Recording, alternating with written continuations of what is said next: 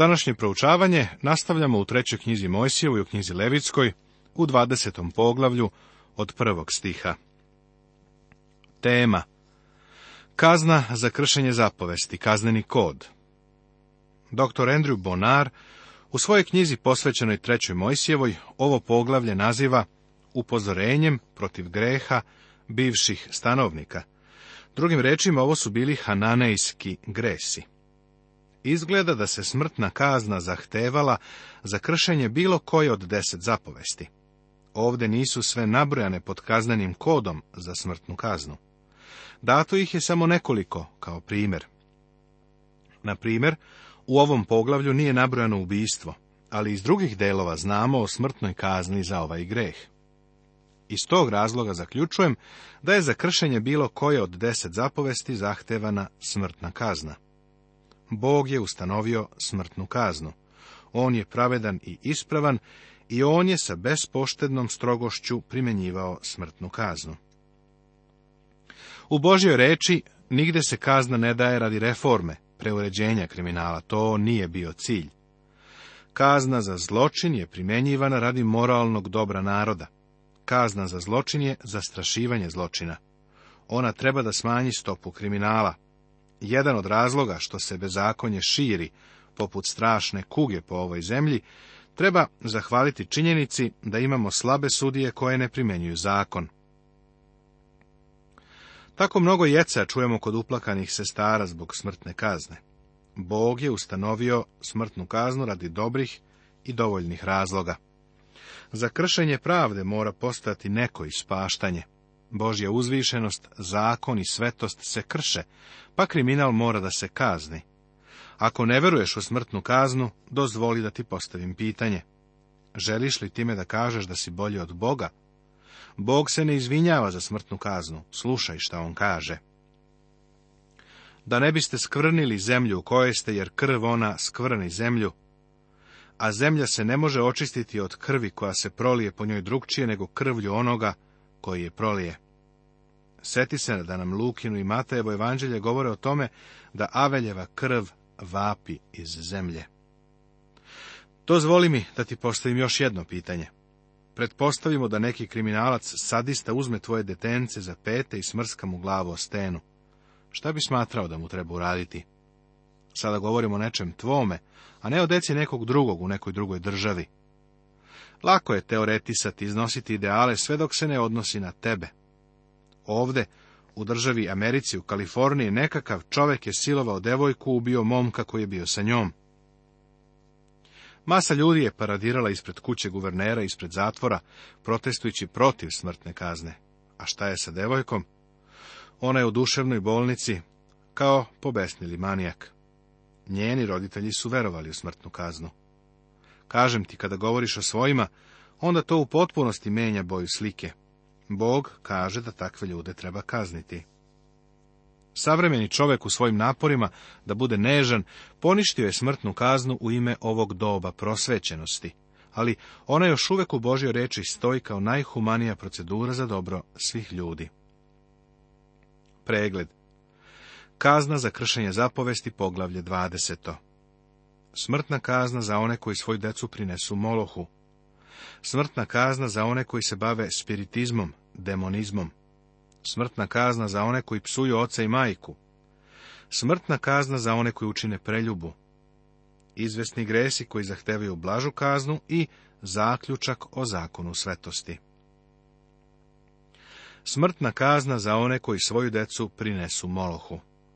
I reče gospod Mojsiju govoreći, Bog sada govori Mojsiju, a ne Aronu niti narodu. Govori zakonodavcu jer je reč o smrtnoj kazni. Pavle kaže da ljudi koji se nalaze na vlasti i koji vladaju nad nama ne treba zalud da nose mač. Sudija nema pravo da sadističkog, psihotičkog kriminalca pusti u društvo, da tu dovodi u opasnost tvoju i moju porodicu. Neko će reći da je električna stolica zla, stara stolica. To je tačno jeste. U ono vreme ljudi su ubijani kamenovanjem. Ni ovo nije lepo. Niko nije ni tvrdio da je lepo. To je nešto užasno i jezivo. Ali ne zaboravi, učinjeni kriminal je jeziv. Još reci sinovima Izraeljevim, god između sinova Izraeljevih ili između došljaka koji se bave u Izraelu, da od semena svoga molohu, neka se pogubi, narodu zemlji neka ga zaspe kamenjem. Obožavanje Moloha je bilo divljačko, satansko, okrutno i brutalno. Deca su kao žrtve prinošena kipu Moloha, koji je bio užaren. Prema istoričarima, ruke dola su bile ispružene, a dete je bacano u otvor pun vatre. Ovo je bilo đavolsko i demonsko delo. Kakva je samo suprotnost ovome Isus koji je ispružio ruke da bi primio malu decu? Ali Isus reče, pustite decu i ne branite im da dođu k meni, jer takvima pripada nebesko carstvo. Kamenovanje do smrti je bilo kazna za ovaj zločin davanja semena Molohu. I teško je shvatiti kako bi se iko protivio ovoj kazni. Kamenovanje je za takve čak suviše dobro. Prijatelju, današnja brutalnost nad decom u Americi mogla bi se prekinuti ili smanjiti samo kad bi sudije kaznile roditelje koji su maltretirali decu koja sama ne mogu da se zaštite. Sudija treba da ih zaštiti. I ja ću okrenuti lice svoje na suprot takvom čoveku i istrebit ću ga iz naroda njegova, što od semena svoga dade molohu, i zaprzni svetinju moju i oskvrni sveto ime moje. Ovo je najsnažniji mogući način izražavanja i ja ću okrenuti lice moja nasuprot takvom čoveku. Da li je ovo bio neoprostiv greh? Ne znam, ali svaka reč je strahovito teška i istrebit ću ga iz naroda njegova. Ovo je bio greh protiv Boga. Ovaj greh skrnavi Božju svetinju i prlja sveto Božje ime. U proroku Jezekilji 23. poglavlju nalazimo da su Izraelci radili baš tako, i to je bio jedan od razloga da je sud Boži sišao na njih. Sjeti se da je idolo poklonstvo bilo velika izdaja u narodu u kome je vladala teokratija. Ako li narod, kako god zatvori oči da ne vidi toga čoveka, kad da od svoga semena molohu i ne ubiju ga, ja ću okrenuti lice svoje suprot onom čoveku i na suprot domu njegovu i istrebit ću ga i sve koji za njim čine preljubu, čineći preljubu za molohom iz naroda njegova. Ako čovjek prećuti kada vidi da je njegov bližnji obožavao Moloha tako što mu je prineo dete, to ga čini saučesnikom u zločinu. Biti nežan, osjetljivi blag u izvršavanju ove kazne čovjeka je činilo krivim. Takvog čovjeka je trebalo odstraniti iz njegovog naroda, što je ravno smrtnoj kazni. Smrtna kazna za one koji se bave spiritizmom, demonizmom, a ko se obrati k vračarima i gatarima da čini preljubu za njima, okrenut ću lice svoje nasuprot njemu i istrebit ću ga iz naroda njegova. Ovo je bio još jedan običaj Hananejaca koji su tada bili u toj zemlji. Ovo je bila lažna religija koja je definitivno bila i sotonska. Neko će možda staviti prigovor na to da ovo nije bilo stvarno i da je nedostajalo nadprirodno. Iskreno, nadprirodno se manifestuje i u obožavanju sotone. Stvar je u tome da je sam gospod Isus upozorio da će se na kraju pojaviti antihrist koji će moći da čini čuda i da će, ako bude moguće, prevariti čak i izabrane. Sotona je lažao i otac laži. Bog kaže da će svoje lice okrenuti protiv takve duše koja se okrene kao ovakvom lažnom obožavanju. A čovek ili žena u kojima bi bio duh vračarski ili gatarski da se pogube, kamenjem da se zaspu krv njihova na njih. Iznosim i ističem ovaj stih u ovom poglavlju, jer se i on bavi sotonskim nadprirodnim delovanjem. Demonsko opsednuće je stvarnost i postojalo je u svim dobima. U ovom savremenom dobu mnoge sekte i izmi su uzdizani i potpomagani od strane onih koji su opsednuti demonima. Sve to je sotonsko delo. Smrtna kazna se uzvršavala za učestvovanje u sotonskim i okultnim ritualima, kao i za njihovo sprovođenje. Neki su iznenađeni činjenicom da ljudi koji obožavaju Sotonu imaju silu. Naravno da đavo ima silu. Odvojenost od Božje reči i od Boga uvek vodi u greh, a to potpomaže lažne kultove koje nalazimo i danas. Zašto je Bog sprovodio smrtnu kaznu za učestvovanje u ovim sotonskim okultnim ritualima? Zato posvećujte se i budite sveti, jer sam ja, gospod Bog vaš. I čuvajte uredbe moje i vršite ih. Ja sam gospod koji vas posvećujem. Ovi stihovi daju dobar i dovoljan razlog za smrtnu kaznu. Narod je morao da bude svet, jer je pripadao Bogu, a Bog je svet. Svako odstupanje od ovog standarda predstavljalo je ozbiljno kršenje ponašanja. Sprovođenje ovih gnusnih stvari, koje su ovde nabrojane, značilo je okretanje od Boga ka Sotoni. Bila je to duhovna preljuba i izdaja. Danas ljudi kao da ne shvataju koliko ozbiljno ovo može biti. Ovo je Bože i svemir. Bog je stvaran, prijatelju. Božje zapovesti nikada ne smemo olako uzimati smrtna kazna za one koji psuju oca i majku. Ko opsuje oca svojega ili mater svoju da se pogubi, opsovao je oca svojega ili mater svoju krv njegova nanj. Petu zapovest ne smemo razmatrati kao zapovest od manje važnosti.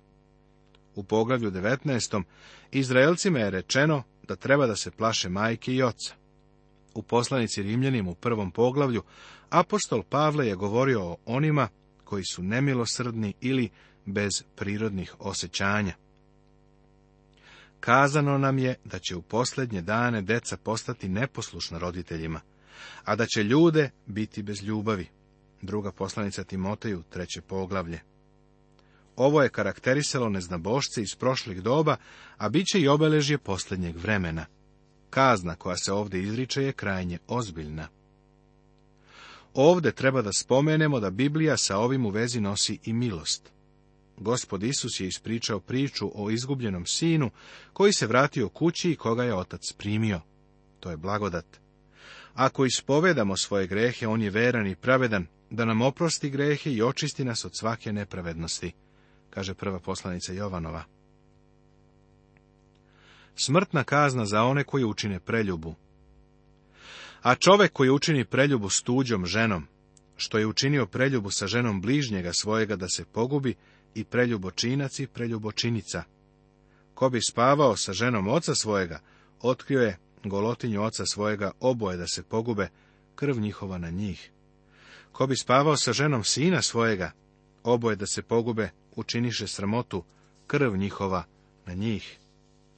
Ko bi muškarca obležao kao ženu, učiniše gadnu stvar obojica, da se pogube krv njihova na njih.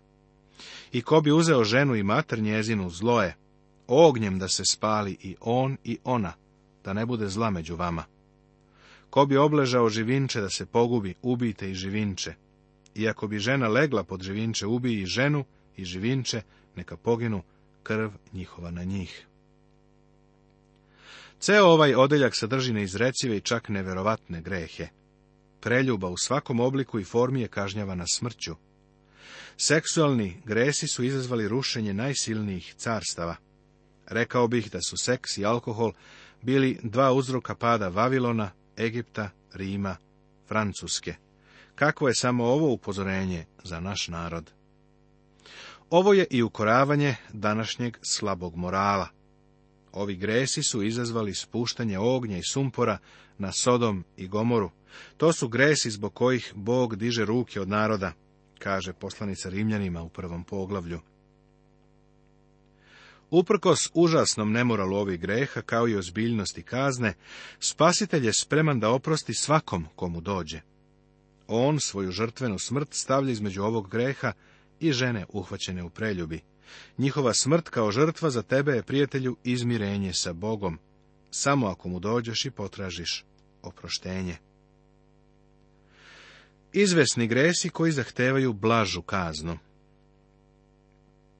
Ko bi uzeo sestru svoju, kćer oca svojega ili kćer matere svoje, video bi golotinju njezinu i ona bi videla golotinju njegovu, sramota je, zato da se istrebe ispred sinova naroda svojega. Otkrio je golotinju, sestre svoje neka nosi bezakonje svoje. I ko bi spavao sa ženom kad ima vreme, i otkrio golotinju njezino, otkrivši tečenje njezino, i ona bi otkrila tečenje krvi svoje, da se istrebe oboje iz naroda svojega. Golotinje sestre matere tvoje i sestre oca svojega ne otkri, jer bi otkrio svoju krv, neka nose bezakonje svoje. Ako bi spavao sa ženom strica svojega, otkrio bi golotinju strica svojega, neka nose oboje greh svoj, neka pomru bez dece. Ko bi uzeo ženu brata svojega, ružno je, otkrio bi golotinju brata svojega bez dece da budu.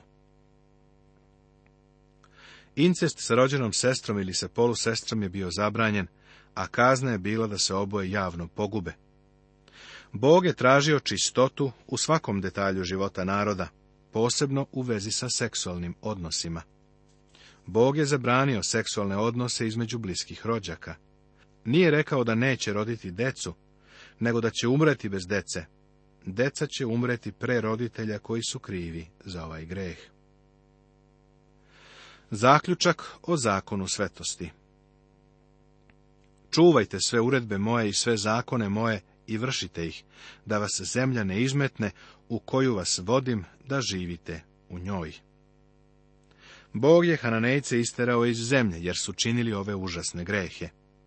On upozorava Izraelce da će i njih isterati iz zemlje ako to isto budu radili. Bog ne gleda ko je ko.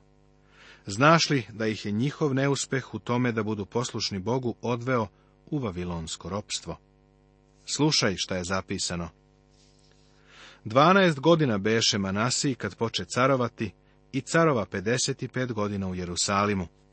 I činjaše što je zlo pred gospodom po gadnim delima naroda, koje gospod odagna ispred sinova Izraeljevih. I sina svojega provede kroz oganj, i vračaše, i gataše, i uredi one što se dogovaraju s duhovima i vračare, i činjaše vrlo mnogo što je zlo pred gospodom, gnjaveći ga. Zavede ih Manasija, te činiše gore nego narodi koje istrebin gospod ispred sinova Izraeljevih. Druga knjiga carevima, 21. poglavlje. Nemojte živjeti po uredbama naroda koji će oterati ispred vas, jer su činili sve to, zato mi omrzoše. Ovo treba da bude odgovor na pitanje o Božjoj pravednosti, kada je uništio neke narode koji su zauzeli Palestinu. Kao posljedica ovih greha, njih su izjele društvene bolesti. Bog je zabranio svome narodu da uzme ili dodirne bilo šta u gradu Jerihonu u vreme njihove pobede. Očigledno je da su venerične bolesti tada bile dosegle razmere epidemije. I rekoh vam, vi ćete naslediti zemlju njihovu i ja ću vam je dati u državu, zemlju u kojoj teče mleko i med. Ja sam gospod Bog vaš koji vas odvojih od drugih naroda. Bila je to zemlja u kojoj su tekli med i mleko drveće je prekrivalo zemlju. Šta se sa njom desilo? Govorit će svi narodi, zašto učini ovo gospod od ove zemlje? Kakva je to žestina velikoga gneva? I odgovorit će se, jer ostaviše zavet gospoda Boga otaca svojih, koji učini s njima kad ih izvedi iz zemlje Misirske, jer idoše i služiše drugim bogovima i poklanjaše im se, Raznevi se na to zemlju, gospodi, pusti na nju sva prokletstva zapisana u ovoj knjizi. I istrebi i gospod Bog iz zemlje njihove u gnevu i u jarosti i u ljutini velikoj i izbaci ih u drugu zemlju, kao što se vidi danas. Ovo je zapisano u petoj knjizi Mojsijevoj, u 29. poglavlju. Danas oni tamo u Izraelu sad drveće. Kada sam ja bio tamo, posadio sam pet stabala. Po jedno za svakog člana moje porodice, jedno za crkvu koje sam služio i jedno za jednog prijatelja jevrejina. Zato razlikujte stoku čisto od nečiste i pticu čisto od nečiste i nemojte skvrniti duša svojih stokom ili pticam ili čim god što puže po zemlji, što sam vam odvojio da je nečisto. Bog ponovo daje pregled i nabraja pravila koja treba da od njegovog naroda naprave drugačiji sveti narod. Počeo je sa ishranom i završava sa njom. I bit ćete mi sveti, jer sam svet ja, gospod, i odvojih vas od drugih naroda, da budete moji. Oni su odagnani iz zemlje, jer nisu slušali Boga. Trebalo je da budu sveti narod, kao što je Bog svet. Ama reći ćeš, ima ih u zemlji. Da te pitam, kako im je tamo? Svakog momenta su u nevolji otkad su se vratili u tu zemlju. Znaš li u čemu je problem? Vratili su se u zemlju, ali se nisu vratili Bogu. Kad se vrate Bogu, što će jednoga dana učiniti, onda će u toj zemlji nastupiti blagoslov. Prijatelju, Bog se nije predomislio. Ovo treba da služi za pouku nama i našem narodu. Bog je uzvišeni i svet, pa traži svetost. Ovo je ključ za treću knjigu Mojsijevu, knjigu Levitsku. Nastavit će se.